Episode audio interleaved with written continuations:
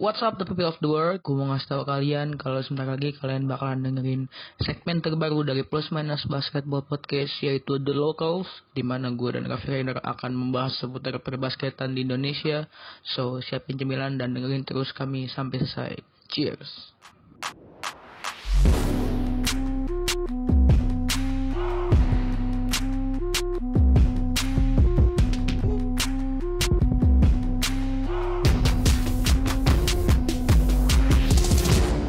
Selamat datang di The Locals by Plus Minus Basketball Podcast.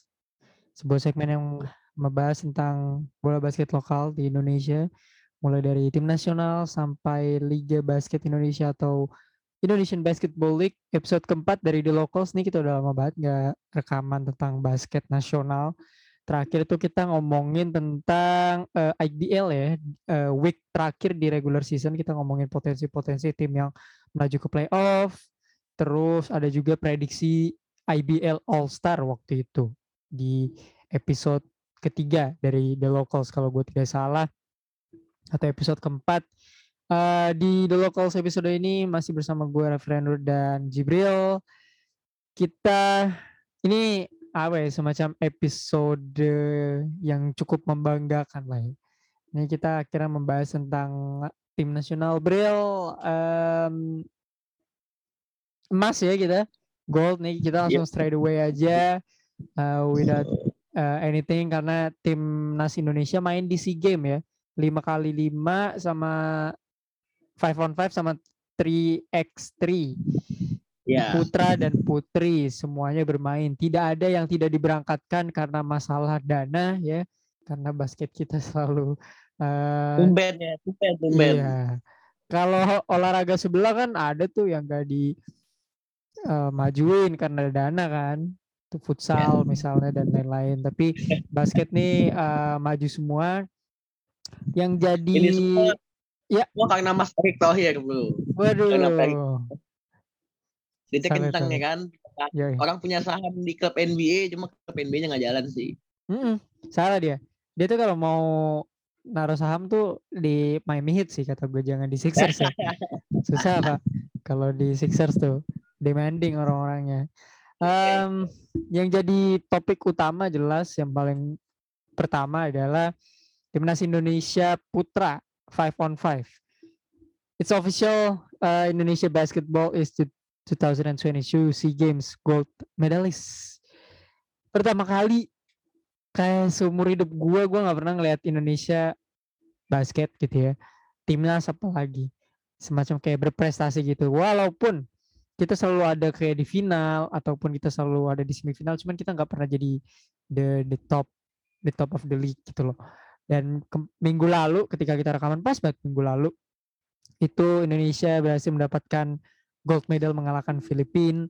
Uh, ini kayak perjuangan dan penantian panjang lah ya. Kita tim basket putra kita terutama five on five berhasil meraih medali emas pertama sepanjang sejarah. Apa pun apa pun kali ya kayak SEA Games, FIBA dan apa pun yang pernah kita ikuti kayaknya ini pertama kali kita kayak winning something. Kalau gua nggak yeah, salah ya, boleh dikoreksi. Cuman kalau untuk di SEA Games sendiri kita baru pertama kali dapat gold medal gitu. Ya jelas kita harus mengapresiasi perjuangan yang dilakukan sama ya 12 pemain, coach dan jajarannya serta official. Lo sendiri gimana Bril? Akhirnya uh, melihat tim nasional kita yang diisi ini gue sebutin dulu ya roster dari timnas bersejarah kita ada Andakara Prastawa, Abraham Damar Grahita, ada Brandon Jawato, ada Derek Michael Zaverio, ada naturalisasi naturalisasi kita Marcus Bolden, ada Hardianus, Yuda Saputra, Agassi Goyantara, ada Arki Dikania Wisnu, Juan Lauren Koko Diputra, Vincent Rivaldi Kosasi, dan Dame Diakne. What do you think? Gold untuk Indonesia, man uh, gue sih ngeliat kalau dari uh, SEA Games di SEA Games ini ya tahun ini dibandingkan SEA Games games sebelumnya kayak Indonesia tuh lebih kayak banyak banget game-game mudah gitu ya nanti bakal dibahas game-game juga. Uh, jadi ada beberapa momen di mana Indonesia itu kan bisa ada juga momen ada juga momen-momen di mana tuh Indonesia kayak easy easy win banget gitu kayak nggak ada hambatan-hambatan yang uh, berarti gitu ya. Uh, nggak tahu apakah ada perubahan rosternya juga tadi disebutin sama Rainer uh, nggak ada Lester Prosper ya digantiin sama Marcus Bolden di posisi center. Uh, ya seneng juga bangga ngelihat uh, Indonesia setelah sekian lama bisa bisa juga dapat medali emas ya. Uh, karena secara overall uh, penghargaan tim nasional Indonesia itu basketnya nggak pernah begitu wah wah banget. Uh, baru tahun ini dan timnas putranya bisa medali emas timnas hmm. putrinya medali perak ya kalau nggak salah. Uh, sama satu lagi timnas 3x3 yang putri itu medali perunggu kalau nggak salah. Brown eh apa? Bronze. Uh, kalau yeah. yang timnas 3x3 putranya tuh nggak dapat medali apa apa gitu. Cuma dapat seneng senang doang bisa quality gitu uh, uh, buat gue ini ini uh, merupakan bagian dari kalau Rainer inget ya sebelumnya kan timnas tuh kan pernah ke US ya ikut training camp dan latihan sama timnya Demarcus Cousins sama yeah. Thomas ya kalau nggak salah yeah. dan mungkin uh, ini bisa jadi apa ya istilahnya bisa jadi hasil dari latihan mereka digeber sama Demarcus Cousins dan pemain-pemain uh, pro semi pro dari US yang waktu itu timnas ke US tapi ada beberapa pemain uh, di timnas yang waktu itu ke US cuma di timnas medali emas ini nggak ikutan kayak contohnya Kevin Yonas, uh, Sandi Ibrahim itu itu nggak ikutan ke SEA Games gitu. Jadi kayak ada banyak banget perubahan-perubahan yang dilakukan sama uh, coaching staff di roster dari manajer juga. Jadi buat gue kayak apa memang perubahan signifikan seperti ini tuh harus dilakukan supaya bisa medali emas gitu ya karena ini kelihatan hmm. gampang banget gitu kalau yang sebelum sebelumnya mah dari FIBA Asia Cup, uh, qualify yang qualifier gitu, yang ada Ariki juga kayaknya susah banget mau menang gitu ya. Sedangkan di SEA Games kayak gampang banget. Jadi kayak uh, ya selamat untuk timnas ya. Insya Allah dua tiga tahun lagi gue nyusul jadi ofisial aja lah. Cuman kalau soal lawan sih, gue gue sih nggak terkejut ya karena kalau level Asia Tenggara ya kita wajib lah untuk bisa ngalahin semuanya kecuali memang Philippines ya.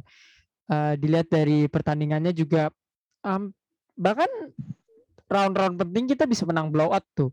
Kayak yeah. Ya. uh, game ketiga, quarter final, semifinal tuh kita menang di atas 30 poin. Um, yeah. The rest cukup cukup tight uh, gamenya.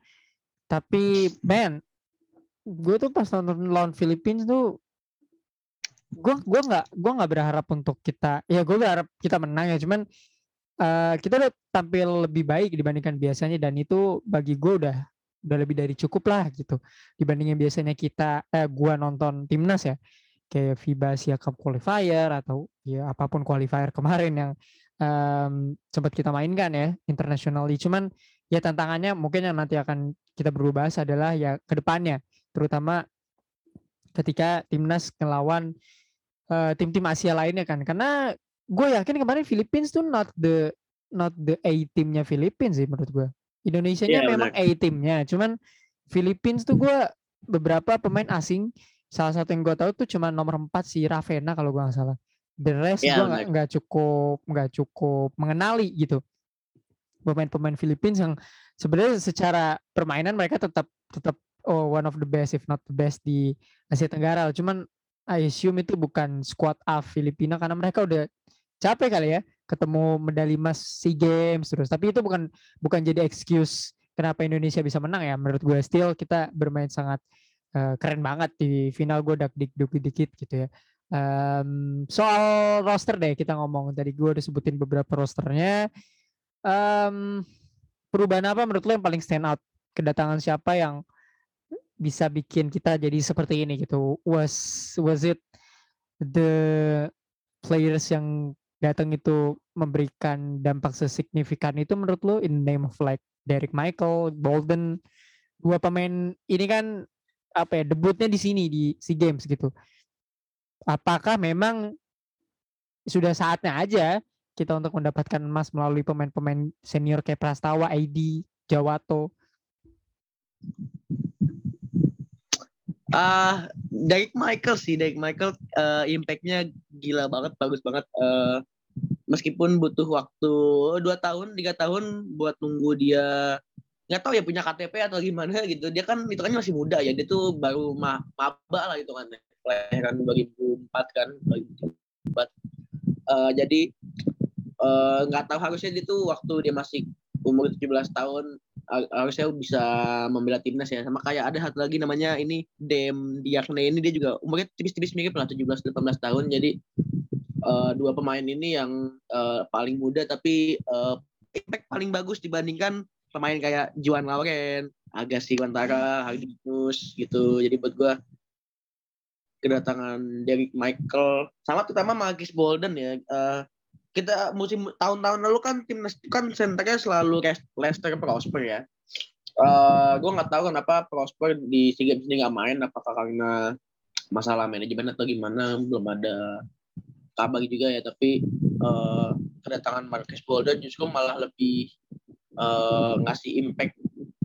Karena Marcus Bolden kan uh, pemain profesional yang udah ya udah benar-benar profesional lah. Dia kan pernah main di NBA juga ya sama Cleveland meskipun cuma sebentar doang ya kayak trial doang di Cleveland di Cavaliers uh, tapi ya kelihatan uh, experience yang dia punya bisa dia berikan kepada pemain-pemain Indonesia yang, yang lain gitu. Nah, tapi jujur uh, sedihnya gue sama Indonesia adalah Indonesia ini uh, terlalu mengedepankan pemain naturalisasi ya yang uh, he's not he's not even an Indonesian gitu. Marcus Williams bukan pemain yeah. bukan orang yang punya darah Indonesia gitu loh, benar-benar pure orang luar negeri gitu sama kayak Leslie Prosper. Uh, beda sama kalau kayak Brandon Jawato tuh dia, dia dia punya darah Indonesia dari orang tuanya kalau nggak salah gue lupa tapi uh, dia um, banyak menghabiskan waktu di luar negeri gitu kan sama kayak dari Michael yang orang Indonesia asli benar-benar pure Indonesian tapi dia ikut NBA Academy dan, dan sekarang kuliah di Grand Canyon University di US gitu. Uh, buat gue uh, satu-satunya satu-satunya pemain Indonesia yang paling bisa diandalkan itu selain Arki Wisnu ya ada uh, Vincent Rivaldi Kosasi mungkin karena dia satu-satunya pemain nasional yang pure Indonesian dan punya size gitu. Selebihnya tuh pemain Indonesia ya kayak John Lauren, uh, Agassi Guantara. Kalau yang nggak ikut ada Kevin Yonas, ada Laurentius Oi dulu pernah main di timnas juga. Uh, sangat-sangat undersize ya hitungannya ya. Selain uh, tingginya rata-rata, badan badannya pun kurus gitu jadi nggak nggak punya isi jadi kayak uh, buat gue Indonesia uh, sang kekurangan center pure Indonesia ini kedatangan Derek Michael ini sangat sangat membantu di tim ya dan uh, bagaimana uh, akhirnya Indonesia ini punya pemain pure Indonesia pertama yang uh, punya size gitu dan punya size punya skill punya punya talenta juga sebagai pemain muda dari Michael ya. Dari Michael itu di bawah kita tiga atau dua tahun gitu ya. Jadi yeah. ini bisa jadi ini bisa jadi apa ya? Uh, pelajaran buat kita lah sebagai senior ya. Gitu. ternyata ada orang ternyata ada anak muda yang lebih wah dibanding kita gitu kayak. Lu kalau liatin Jack Michael ya, gue gue belum pernah ketemu dia langsung, tapi kira-kira tinggi kita tuh cuma sedadanya dia apa kurang lebih. Jadi kayak ya jadi kayak oh gue malu ya ngeliat di gue sendiri men. Ngeliat Michael kayak gitu gila. Ya karena dari Michael itu kalau nggak salah lebih tinggi dari LeBron James kalau nggak salah lebih tinggi dari Kevin Durant juga. Dia sekitar 210 cm tingginya. Uh, makanya itu gue bilang ya uh, gue nggak tahu apa sebenarnya kalau misalkan Prosper ikut main itu bisa sangat-sangat membantu di sisi uh, defense ya dan di offense dan di rebound offensive rebound defensive rebound tapi ternyata Leslie Prosper nggak dimainkan dan gue nggak tahu apa karena isu-isu dia itu agak sedikit egois, malas defense segala macam tapi uh, kedatangan Marcus Bolden setelah ini udah setahun naturalisasi ya, pada dua tahun nih Marcus Bolden. Setahun setahun. Kayaknya Marcus udah... Bolden udah setahun, cuman ya ini baru dia baru kesampaian main ya hmm. sekarang gitu. Gue nggak tahu hmm, karena ya. administrasi di negara ini itu mungkin agak sulit ya, jadi Bolden baru main atau gimana, cuman bahkan dia baru main di semifinal pak. Dia nggak main dari awal. Nah, Bolden, iya, tahu iya. gue. Dia baru main full tuh bener-bener di final. Gue di, di, di, di, disimpan di final gitu. But he, he scored double-double, 18 poin, 10 rebound. The thing about Marcus Bolden sih menurut gue sebenarnya adalah ya kita butuh size untuk crashing the board sih. Karena gue melihat sepertinya Indonesia tuh selalu kesulitan di bagian rebounds ya. Kayak kayak lu lihat Iya. mungkin mungkin dulu pernah ya karena referensi basket lokal gue sangat minim. Cuman in the last five years deh, coba lu lihat. Kecuali Prosper gitu, siapa sih center kita yang bener-bener um, very good rebounder lima tahun terakhir ya? Mungkin beyond that Paling ada Vincent doang paling. Vincent. Vincent, Rivaldi Ah. doang ya. Vincent. Dia doang. We know itu justru jadi dia bahkan sering banget eksploitasi di paint lah kalau kita ngelihat uh, Indonesia bermain di kancah internasional gitu. So Iya. yeah it's good to finally have Marcus Bolden gitu. Cuman uh, kita kita memang tidak boleh terlalu bergantung kepada pemain asing sih. Gue ngelihat beberapa kali tuh ya offense kita tuh mandek banget gitu karena pemain lokal gua rasa kayak ragu-ragu untuk untuk apa ya untuk memegang bola sendiri gitu selalu berpegang kepada set play kita ending di Jawato atau Bolden atau Derek Michael gitu. Cuman ya gue melihat eh, pergerakan bolanya cukup bagus di beberapa saat cuman ketika mandek ya lumayan mandek aja gitu mengandalkan kalau bahasa sepak bolanya ya, skill individu dari pemain itu pada eh, akhirnya gitu. But ya beruntung sih kemarin lawan Filipina defense kita juga cukup oke dan Filipina juga cukup kesulitan untuk melawan kita gitu. Cuman kalau ngelihat ke depannya yang mungkin ya sekali lagi nanti akan kita bahas soal FIBA Asia Cup. Gua sih masih eh, agak ragu sedikit yang pasti pemain permainan kita tuh kurang kohesi aja sih. Nah, Kurang gabung karena terlalu banyak perubahan roster, maksudnya Nah, terlalu banyak perubahan ya. itu itu itu sih yang paling penting gue rasa ada ada sedikit ya ada fraction of luck sih. Kita bisa eh, juara atau dapat medali emas di SEA Games ini. Bukan benar-benar yang pure kita bisa dapat emas since the since the beginning gitu. Ke depannya sih gue berharap seperti ini ya rosternya. Mungkin yang diganti mungkin mungkin. Kayak Arki Wisnu mungkin karena dia udah lumayan uh, Udah udah mulai berumur dia mungkin digantikan sama pemain yang posisinya sama ya. Jadi digantiin sama guard jadi guard tuh udah eh, penuh banget Indonesia kan pemain basket di sini Ya, semua Zen. jadi Eh, harus Contohnya kayak Juan Lauren ini waktu di kalau di IBL dia kan main power forward ya. iya dia kalau di sini Tapi di timnas di- dimainin jadi small forward Small forward. Ataupun shooting guard bahkan shooting guard kadang-kadang. Eh, Dia main karena karena dia bisa nembak kan. kalau di IBL juga gue ngelihatnya sih Juan Loren ini tipikal stretch four ya bukan yang bisa bermain di paint gitu jadi ya ya nggak masalah. Kalau kalau Juan Loren pada akhirnya dimainin di tiga dan eh, dua gitu mungkin di IBL dia ya bisa compete against another power forward gitu tapi di internationally ya nggak masalah juga. Dia disandingkan sama dilawanin sama guard pemain asing mungkin setara kan tingginya sama dia. Gue gua nggak masalah juga. Dan pemainnya undersize juga tampil sangat baik sih kemarin. Eh kayak Prastawa tuh telat panas banget dia baru panas di setelah quarter final but still good eh, nonetheless gitu Abraham Damar juga sama eh Yuda Saputra ini Yuda Saputra ini his debut ya di timnas Iya I really benar. like itu. Dem Diakne juga gua rasa ini orang harus keluar sih. Dia jangan main di Indonesia Patriots deh. Dia tuh dikasih program yang sama dengan Derek Michael karena eh, dia ini top scorer di saat kita eh, ngebantai Kamboja kalau gua nggak salah.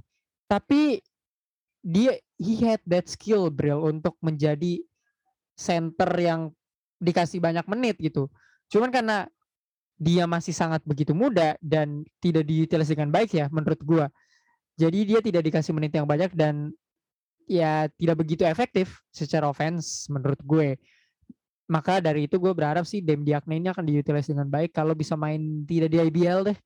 Enggak di Indonesia Patriots in in in in the league outside of Southeast Southeast Asia sih. Menurut gue cuman pemain-pemain lainnya karena skuadnya rata-rata sama ya di luar dari naturalisasi ini sih jadi gue nggak gue nggak heran sih sebenarnya kita oke cuman memang kedatangan pemain-pemain naturalisasi dan Derek Michael ini bisa menambah eh, apa ya Ya. bisa menambah peluru lah untuk timnas Indonesia ini ini yang kita butuhin sih gue bisa bilang Bolden dan Derek Michael adalah pieces yang tepat untuk untuk em, menambah peluru atau amunisi bagi timnas Indonesia sih. Tepat banget menurut gue cuman ya ke depannya sih gue berharap pemain-pemain kayak Arigi ya saya Saudale nah itulah. Di di saat-saat inilah seharusnya kita bisa compete dengan pemain-pemain ini gitu menurut gua. Ke depannya sih ya kita berharap yang uh, terbaik sih ya untuk timnas. Cuman this run in SEA Games sih sangat uh, mengesankan bagi gue ya kemenangannya blowout walaupun ya lawannya Kamboja Vietnam itu menurut gue memang harus blowout sih. The closest game tuh ngelawan Malaysia kita defisit tiga poin Thailand juga sengit. Uh, ya. jadi ya gue berharap ke depannya bisa uh, lebih lebih rapi dan lebih kohesif aja sih permainannya. Karena kadang suka mentok dan mandek aja sih uh, offense dari uh, timnas sih menurut gua gitu best players tadi kita udah ngomongin beberapa ada Bolton ada Derek Michael ada kita ngomong John Lauren ya but who is actually the best player menurut lu kalau melihat kembali game-game uh, di mana kita memenangkan gold medals gitu in the process. Kita ngelawan Malaysia, kita ngelawan Thailand, Kamboja, Singapura, Vietnam, dan Philippines di babak final. Menurut lu sendiri, who is the best player out of the team? Walaupun ini sebenarnya bisa dijawab juga jelas, cuman mungkin lo ada beberapa nama yang uh, sebenarnya underrated gitu atau tidak begitu dilihat perannya tapi sebesar itu ternyata impactnya. Uh, kalau buat gue best playernya udah pasti Brandon Jawato ya. Brandon Jawato performa dari awal sampai akhir benar-benar sangat-sangat membantu tim ya. Jadi buat gue itu tadi gue bilang uh, Indonesia ini minus Lester Prosper tapi uh, kembalinya Jawato ke skuad nasional uh, uh, jadi ada lo, ada lobang yang dia tambal dengan kehadiran Brandon Jawato gitu. Jadi meskipun nggak punya prosper tapi bisa tetap punya Jawato yang seorang uh, good performer dalam bermain basket ya. Oh, di game pertama dia 27 poin, 8 rebound. Di game kedua lawan Thailand 21 poin, 13 rebound. Uh, beberapa kali sempat clutch shot, clutch shot dan juga highlight-highlight play di game lawan Vietnam. Di game lawan Filipina pun juga di final uh, Brandon Jawa sangat-sangat membantu ya. Meskipun parah, memang parah. agak agak sedikit setnya adalah di final, final MVP-nya itu Marcus Bolden Ray karena Marcus Bolden ini di final dia best performer 18 poin 10 rebound jadi kayak uh, Brandon Jawa tuh agak sedikit-sedikit sirik ya kayaknya ya karena gue di awal bagus tapi karena gue final jelek jadi justru malah ini orang yang main full baru di final tapi langsung finals MVP jadi kayak Bolden tuh kayak makan gaji buta gitu ya di timnas ya. Jadi dia tapi yang kayak baru dateng gitu kan crashing the box. langsung langsung MVP gitu kayak magabut. Jadi kayak dia tuh kayak uh, Ultraman yang datang-datang pas akhir terus udah rusak dunia dunia dunia udah rusak udah hancur dia ngalahin musuhnya dipuja-puja tapi dia langsung cabut gitu jadi kayak apaan sih baru datang dan langsung dapat penghargaan pemain terbaik gitu jadi kayak kasihan Jawato gitu ya kayaknya. Tapi pokoknya all praise to Brandon Jawato. Uh, performanya sangat-sangat kelihatan ya. Uh, beda banget dibandingkan sama uh, turnamen-turnamen yang Indonesia ikuti di ya beberapa yang lalu kayak qualifier terus yang ke US itu kan nggak ada Jawato ya. Uh, jadi kayak kelihatan banget bedanya uh, Agassi sama Arken waktu sebelum ada Jawa ini kan Agassi sama Arki yang jadi small forward ya. Dan kelihatan banget kan dua pemain ini kan sangat-sangat undersize ya terutama Agassi yang kayaknya size itu Indonesia banget gitu loh. Kurus kempeng gitu kan dan dia tuh susah banget untuk uh, mengeksploitasi defense tim lawan karena uh, minus dari size bahkan dari skill pun sangat-sangat minus di jika dibandingkan sama pemain-pemain dari negara lain gitu loh. Tapi dengan kehadiran Jawa ini justru malah jadi lebih lebih tertutupi lah di segi offense jadi bagus ya karena Jawa sangat-sangat uh, apa ya bisa gue bilang sangat-sangat uh, skillful dan sangat-sangat berpengalaman sebagai seorang pemain gitu loh sangat-sangat mature banget uh, bisa jadi so, bisa jadi figur role model untuk pemain-pemain slasher scorer scorer scorer di yeah. Indonesia yang akan datang ya kayak uh, contohnya siapa ya main-main forward muda kayak Ali Bagir, Aldi Jatuh Rahman yang uh, sempat ikutan uh, seleknas juga untuk tim ini tapi ternyata nggak kepilih gitu. Jadi bisa jadi role model yang bagus lah bisa jadi patokan kalau ya lo kalau mau jadi small forward yang bagus ya ikutin Jawato ikutin Araki Wisnu gitu. Jadi uh, buat gue best player itu Jawato sih. Tapi tetap uh, kehadirannya dari Michael juga itu sangat-sangat membantu ya. Dari, Michael ini ngebantu banget di rebound men. Dia di game pertama ini 24 poin 18 rebound. Ini kayak ini kan statsnya kan NBA banget ya hmm. stat wise ini sangat-sangat NBA sekali gitu 24 poin dan 18 rebound gitu kayak bahkan di IBL sendiri pun uh, eh, gue nggak pernah ngeliat ada jarang banget ada pemain uh, Indonesia pure Indonesia yang bisa mencetak 15 rebound ke atas gitu loh. Paling pemain-pemain uh, asing ya kayak Shafang Yukir atau Elijah Foster tapi ternyata seorang Drake Michael bisa mendapatkan 18 rebound di pertandingan internasional ya namanya internasional. Jadi kayak uh, kehadiran Drake Michael juga sangat-sangat membantu ya uh, syarat untuk Drake Michael semoga uh, di Grand Canyon University cuma setahun aja ya tahun depannya langsung main di NBA gitu jadi gue gue bisa punya idola selain LeBron James lah Yap, yap. Banyak kan gue gak bisa ngeliat Luka Doncic itu sebagai Udah. pemain yang bagus ya. ya nah, okay. ini, agak tapi ya, pokoknya uh, buat Brandon Jawa sama Drake Michael itu dua pemain yang paling bagus lah di tim ini buat gue gitu. Iya iya, setuju lah setuju. Um, carrying the team, gue bisa carry, gue bisa nggak bisa bilang gak carrying banget sih, cuman selalu dua pemain ini selalu ada sebagai top 3 scorers lah di timnas kecuali ketika kita uh, mengalahkan Kamboja by 50 points uh, itu kedua pemain ini tidak ada di dalam uh, top 3 scorers. Ya jelas maksudnya lu blow out win ngapain masang pemain-pemain utama lu kan. But selalu yeah. ada mereka di luar game Kamboja sebagai uh, top 3 scorer gitu. Derek Michael menurut gue is gonna be amazing. Masalahnya tentang pemain ini sih menurut gue adalah how he handled his attitude gitu. Gue bilang uh. he had a bad attitude, now cuman isu pemain-pemain muda kan seperti itu kan gimana dia uh, dewasa seiring berjalannya waktu gitu. Um, skill set jelas masih ada yang uh, harus dibenahi di, di sini dan di sana. Cuman gue melihat sepertinya gue setuju juga dengan beberapa komen dan pendapat uh, orang-orang uh, yang menonton bahwasannya this guy is Indonesian Greek freak man. Ini dia oh. dia um, gue rasa dia adalah di Indonesian Giannis Antetokounmpo sih. Karena I kind of felt the same ketika menonton Derek dan Yanis gitu. It's a very good rebounder gitu ya. Not relying on three tapi bisa menembak gitu. Uh, bisa ke depannya gue berharap dari Michael juga bisa nabrak-nabrak uh, defenders lain di paint area gitu. So I really like what I saw from uh, Derek Michael sih. Walaupun ke depannya cuma di uh, Grand Canyon University, gue bisa bilang cuma ya. Maksudnya pemain Indonesia udah nyampe di tahap um, kampus divisi utama gitu. Walaupun gak langsung straight ke NCAA ya. Cuman um, ya we'll see ke depannya. Kayak GCU itu bukan favorite kampus di Amerika, cuman ya harapannya mungkin bisa snakin di second round atau ya late first round di NBA draft ya.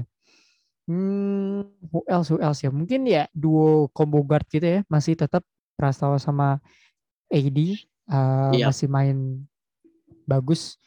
Udah selama empat tahun kalau nggak salah ya, udah empat tahun membela timnas ini Prastawa sama Abraham Damar. Hmm. Selalu mereka kan uh, combo guardnya kan?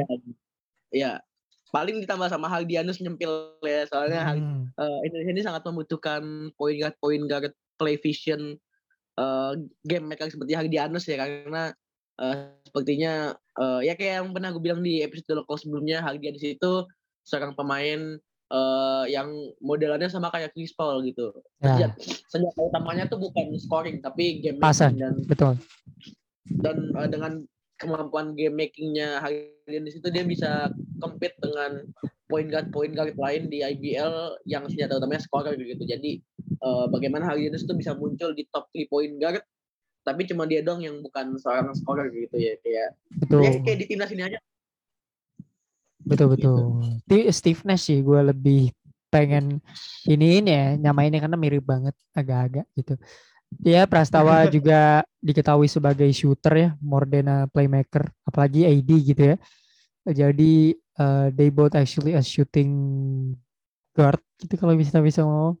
Um, the others juga tampil bagus. Yuda Saputra uh, debutnya di SEA Games juga tampil bagus gitu ya. Arkiwis tuh cuman I'm not feeling this guy. Seperti dia agak kesulitan di SEA Games ini ya. Uh, gue rasa lawan-lawan udah mulai mempelajari gimana how to stop Arki Wisnu ya. Walaupun tetap Bril yang nyetop tuh dua harus dua sampai tiga orang. Still yeah. this guy crazy. Jadi ya tidak berubah sih. Gue sih suka sama roster ini. Karena emang Arki Wisnu tuh dimasukin ke tim tuh buat sosok kapten aja sih kayak karena hmm. nggak hmm. ada pemain yang disegani di tim nasional selain Aki Wisnu jadi uh, dia tuh selalu jadi kapten di tim ya dari zamannya uh, senternya itu masih prosper doang waktu masih ada Laurentius oh ya ada Mejo di juga waktu itu tahun 2019 2020 sampai sekarang uh, senternya udah ada Marcus Golden dari Michael dalam tim. Aki Wisnu itu kalau masuk tim pasti selalu uh, jadi jadi sosok kapten gitu. Jadi kadang-kadang Aki Wisnu tuh nggak dipasang di starting small forward tapi dia tuh jadi sosok kapten jadi six man tapi uh, kapten gitu. Jadi uh, yang dibutuhkan dari Aki Wisnu di timnas itu bukan uh, skill basketnya tapi kemampuan leadershipnya gitu. Karena belum ada pemain yang se full experience Aki Wisnu gitu dia kan teknis paling tua ya di tim ya paling banyak pengalaman udah pernah main ke mana-mana gitu dari zamannya waktu NBA legend ya Denny Sumargo, Roni Gunawan, uh, ya kok bisa sebutin pemain yang gak terkenal kayak Amin Prihantono, Rico Hartono gitu. Jadi kayak uh, sosoknya sosok Aki Wisnu di tim ini lebih ke leadershipnya jadi kapten di tim lah. Kalau misalkan minute play nggak banyak nggak masalah sih. Karena kayaknya Jawa Tengah sendiri udah cukup ya buat ngacak-ngacak defense tim lawan. Kelihatan banget Malaysia sama Thailand ini nggak bisa menghentikan Jawa Tengah ya. Jadi yang awalnya Indonesia ini uh, kalah gitu kan terus di comeback sama Jawa Tos sendirian gitu. Jadi kayak Jawa Tos sendiri udah cukup lah buat ngacak-ngacak tim lawan di bagian scoring gitu ya. Untuk saat ini sih ya jelas ya uh, dia adalah jawaban untuk kita uh, Jawa Tos tapi kita tetap butuh sosok veteran present seperti Hardianus dan Arke Wisnu ya still uh, orang mikir apa gunanya kalau di lapangan tidak bisa perform gitu cuman uh, orang-orang muda ini kan butuh arahan-arahan tidak cuma dari coach tapi dari pemain-pemain yang sudah yeah. malam melintang lah lama di uh, perbasketan seperti Arke Wisnu dan uh, Hardianus. So ya kelihatan kemarin pas lagi time out dan segala macam selalu Hardianus dan uh, Arke Wisnu cukup stand out ya uh, di huddle gitu. But the question will be sejauh apa sih kita bisa compete let's say dengan roster ini Ke depannya kita bakal ada FIBA Asia Cup kalau gua nggak salah. Ya. Di Indonesia? Bukan. Harusnya di Indonesia. Indonesia uh, belum ada info lebih lanjut ya, tapi 50 hari lagi sih katanya. Uh, setelah okay. tiga ini 50 hari lagi FIBA Asia Cup 2020. Dan kita udah dapat tiket untuk lolos langsung tidak, atau kita ya, harus ke kualifikasi dulu? Udah dapat udah, udah dapat spot bukan kualifikasi kayaknya dengan FIBA Asia Cup deh bukan kualifikasi deh uh, bukannya dari Perbasi dan dari official timnas ini mm-hmm. uh, Indonesia ini udah dapat tiket uh, persiapan untuk langsung FIBA Asia Cup mm. 2022 yang dilaksanakan 50 hari lagi gitu. Mm, Jadi kayak kayaknya emang langsung ikut sih enggak As far as I know sih main kita jadi tuan rumah sih seingat gua ya.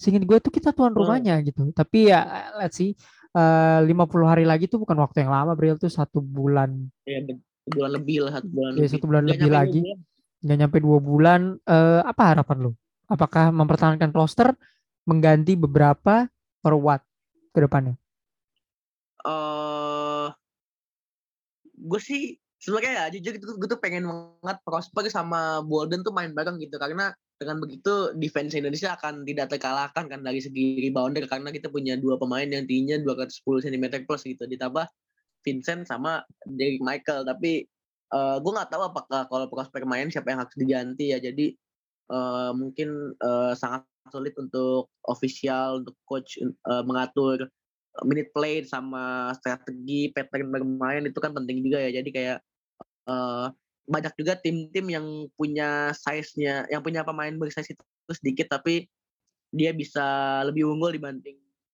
tim-tim lain yang pemain bersize itu lebih banyak gitu karena uh, strategi dan kesuksesan dalam menjalankan pola bermain ya pattern itu kan penting juga.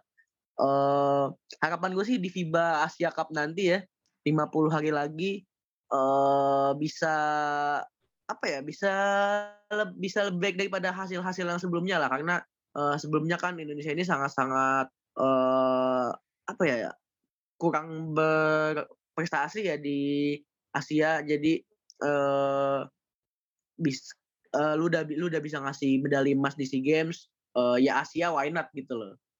Lu cuma cuma apa naik cuma lebih luas aja gitu jadi dari yang cuma Tenggara doang ke satu Asia dan uh, kalau nggak salah ini Southeast Asia ini yang ikut cuma Indonesia doang ya selebihnya nih ada New Zealand ada Arab ada Lebanon Kazakhstan ada Jepang ada Jordania sama Filipina kalau nggak salah dua negara dari Southeast Asia ya selebihnya ya Cina Iran Korea gitu ya, ya langganan lah ya Korea Selatan Iya, selatan ya bukan Korea Utara ya. Korea Utara nah, mah peraturannya beda tip. Poinnya gila. Korea, Utara itu peraturannya kalau misalkan tip poin bola nggak nyentuh ring itu hitungannya poinnya empat. Gokil sih. Dan gue rasa kalau di bawah satu menit terus dia dapat eh, dia dapat basket tuh dihitung jadi 8 poin semacam itulah. Ke depannya kita akan ngomongin nih soal soal rules rules eh, kayak gini. Cuman seru seru tuh lebih lebih daripada NBA sih menurut gue ya. Slam dunk juga dihitung beberapa poin. But uh, back to the topic sama gue sama kayak Jibril juga berharap yang terbaik lah. Gue sih nggak menargetkan emas ya, being realistik aja. Cuman setidaknya lolos yeah. ke grup, I guess uh, itu akan membuat gue cukup lega sih. Dan gue rasa untuk seluruh fans basket Indonesia ya, karena struggle-nya kan selalu yeah. seperti itu ya. Tidak lolos grup ketika udah uh, playing internationally, terutama di Asia gitu. Kita akan ngelawan beberapa tim-tim yang sudah langganan misalnya bermain di Piala Dunia basket atau mungkin jadi langganan semifinal Asia Cup jadi uh, atau bermain bahkan di Olimpiade jadi menurut gua iya.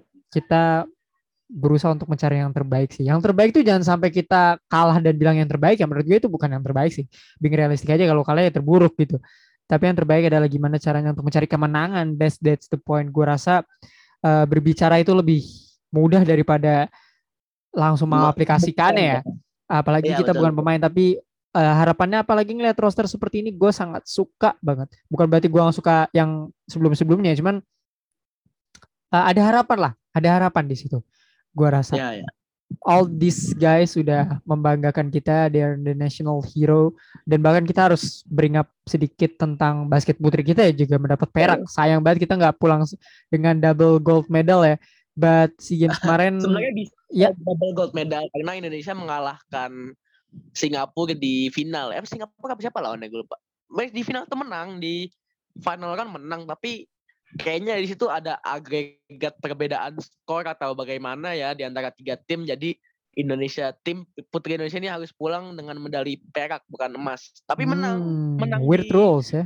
uh, di final. Tapi uh, sebenarnya sebenarnya game pertama itu kalah kalau nggak salah. Indonesia itu game pertama kalah ya. Jadi mungkin uh, karena agregat itu atau gimana gue juga nggak ngerti. Gue kalau nggak salah pernah baca penjelasan cuma lupa. Tapi Indonesia tim putri tim mas putri itu harus puas hanya dengan medali perak ya meskipun menang di final gitu kayak agak sedikit kasihan tapi tetap syarat untuk uh, timnas putri ada ada Kim Pierre Louis ini sama kayak Marcus Bolden ya center yang kayaknya bukan orang Indonesia asli gitu. Terus ada juga uh, duo pemain senior uh, Adelaide Wongso sama Agust, uh, Agustin Gradita. Sama satu lagi ini ada pemain jebolan Liga Mahasiswa nih Nata, Nat, Natania Claresta Orville kalau nggak salah namanya. Dia pemain jebolan Liga Mahasiswa dari Ubaya kalau nggak salah ya gue.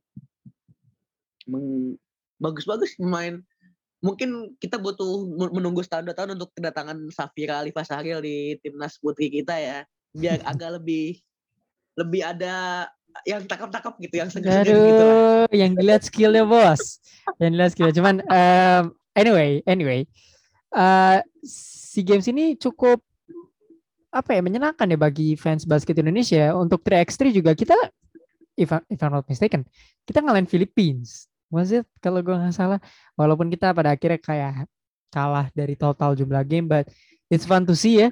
3 on 3 kemarin putra dan putri ya, walaupun belum mendapatkan hasil maksimal but it's a fun turnamen untuk kita para fans basket Indonesia. So 50 days sekitar 50 hari dari sekarang. Ini gue udah baca infonya di ada di Instagram FIBA Asia Cup diadakan di di Jakarta ya. See? 12 sampai Benar. 20, 12 sampai 24 Juli. Gas Tiketnya nggak sih? bisa dibeli. Wah, gas dong. Gas nggak Ini sih? Pembelian tiket pembelian tiket ada di Instagram FIBA Asia Cup ya. Eh, buat yang mau beli mendingan cepet-cepetan kayaknya bakalan habis. Kayak ini ke ini udah mau masuk bulan Juni ya guys. Jadi Betul sekali. eh biasanya itu sebulan sebelum hari H tuh udah habis gitu. Jadi eh ini nggak nggak tahu nih. Kita gue baca nih pas gue buka udah habis apa belum gue nggak tahu nih. Ini mungkin ya. plus minus ngundang plus minus mungkin akan datang untuk eh, nonton ya. Betul, betul, betul. NBA mungkin boleh ha- boleh saja habis ya. Tapi konten timnas basket Indonesia akan terus tetap berjalan, bro. Ya jadi eh, buat lo yang nggak sempat nonton Formula E di Ancol, lu masih bisa main ke Senayan untuk nonton timnas Indonesia melawan negara-negara terbaik di Di Asia. Ya. Eh, gua nggak tahu untuk pot group nanti akan kita bahas eh, untuk preview FIBA Asia di The Locals episode selanjutnya satu bulan dari Yap. sekarang juga biar deket-deket. Yap. So eh, congratulations sekali lagi gua Raffrando dan Jibril menyampaikan rasa terima kasih kita kepada para pahlawan-pahlawan kita yang berhasil mengalahkan Filipina, bos. Ini kayak Argentina ngalahin AS tahu nggak sih lu di Olimpiade 2004 itu the the same Ah, feeling, gila. bro. The same Gokil, feeling, bro. The same feeling. Filipina ini 33 tahun berturut-turut gold medalis gue baca di FIBA Asia Cup ya. Kan kayak Amerika, 33 bos, kayak gitu, bos. Kayak Amerika, bos, kayak Ah. begitu di Olimpiade. Iya, kalau Filipina mah Filipina Filipina mentok mana sih? Mentok Filipina mentok kecil duk kayaknya deh. Waduh, cuman ya tetap kita harus tetap berbangga lah apa pun. Gua sih belum belum lihat ya sejauh ini kayak supporter-supporter idealis sana yang berusaha edgy untuk bilang eh, kita tidak deserve medali sejauh ini gue belum cuman eh, it's fun to see gimana akhirnya timnas Indonesia nggak cuman secara hasil akhir tapi permainan dan segala macam tuh benar-benar eh, sudah sudah menghibur kita lah. Gue cukup senang. Mungkin ini bukan episode yang membedah langsung secara dalam-dalam ya, cuman ya udahlah. Ini ini untuk melampiaskan eh, kesenangan gue sama eh, Jibril aja ya. Eh, dapat Iya. eh, Makanya makanya ini kita nggak mau bahas terlalu banyak ya karena ya gimana ya? Kayak medali emas kayaknya udah biasa deh. mudah-mudahan kayak gitu ya. Mudah-mudahan rutinitas ya. Mudah-mudahan Iya. standar kita kayak gitu ya. Oke oke. Iya. Eh itu aja mungkin ya dari the locals Yap. episode ini karena eh, ya kita senang lah harus harus bikin lah kita episode kayak gini ya walaupun agak telat eh, hampir satu minggu tapi better late than never lah. Selamat untuk Yap. seluruh ya pemain, official, pelatih dan segala macam ya yang masuk ke dalam eh, part ini mungkin lu bisa eh, kasih penutup bro. Timnas Indonesia yang selamat tertidur sudah kembali terbangun ya dan semoga tetap terbangun dan nggak ada lagi namanya hibernasi hibernasi nggak jelas nggak jelas lah. Eh, selalu come up di setiap eh, momen dengan eh, penampilan terbaik. Eh, hasil itu ditentukan dari proses ya jadi eh, bagaimanapun apa pun yang sedang dihadapi proses harus tetap yang terbaik ya memberikan yang terbaik. Eh, karena ya di SEA Games ini pun menjadi bukti kalau medali emas itu bukan sebuah hal yang bisa didapatkan dengan mudah gitu loh. Bahkan Indonesia sendiri pun harus menjalani berbagai macam perubahan-perubahan ya. Yang pasti eh, selamat untuk tim nasional Indonesia. Terima kasih untuk seluruh pemain dan staff, coach, ofisial. Eh 50 ha- eh, 50 days to go ya, 12 Juli eh, adalah hari pertama eh, FIBA Asia Cup yang akan diadakan di Jakarta. Pretty much kemungkinan di Senayan di, di GBK kayaknya sih ya. Hmm. Karena kalau Jakarta International Stadium tuh kayaknya bola deh bukan basket ya. Jadi eh, ya untuk tiket juga bisa dibeli di FIBA Asia Cup. So eh, prepare yourself. 50 days to go. Indonesia akan kembali membuat sejarah eh, menjuarai turnamen internasional di rumah sendiri ya di kandang sendiri. Itu aja penutup dari gue Ray. Eh, pokoknya ya pokoknya semoga Indonesia dan timnas Indonesia bisa bisa tetap eh, menjadi nomor satu di Asia Tenggara bahkan mungkin Asia ya bahkan mungkin dunia mungkin ketemu sama US amin amin Yep, yep, yep. Itu yang paling penting. So, ya, semoga bisa kita nonton ke Senayan nih bulan depan nih. Oke. Uh, thank you for listening episode um, kelima kalau nggak salah empat dari The Locals by Plus Minus Basketball Podcast. Follow at podcast plus minus di Instagram to know more about our podcast. Sampai ketemu di episode selanjutnya episode berapa? 12 minggu depan. Uh. Kita bakal ngomongin tentang NBA Conference Finals. Semoga timnya Jibril yang bandwagon ini ketemu sama tim gue di finalnya. Biar seru. Siap.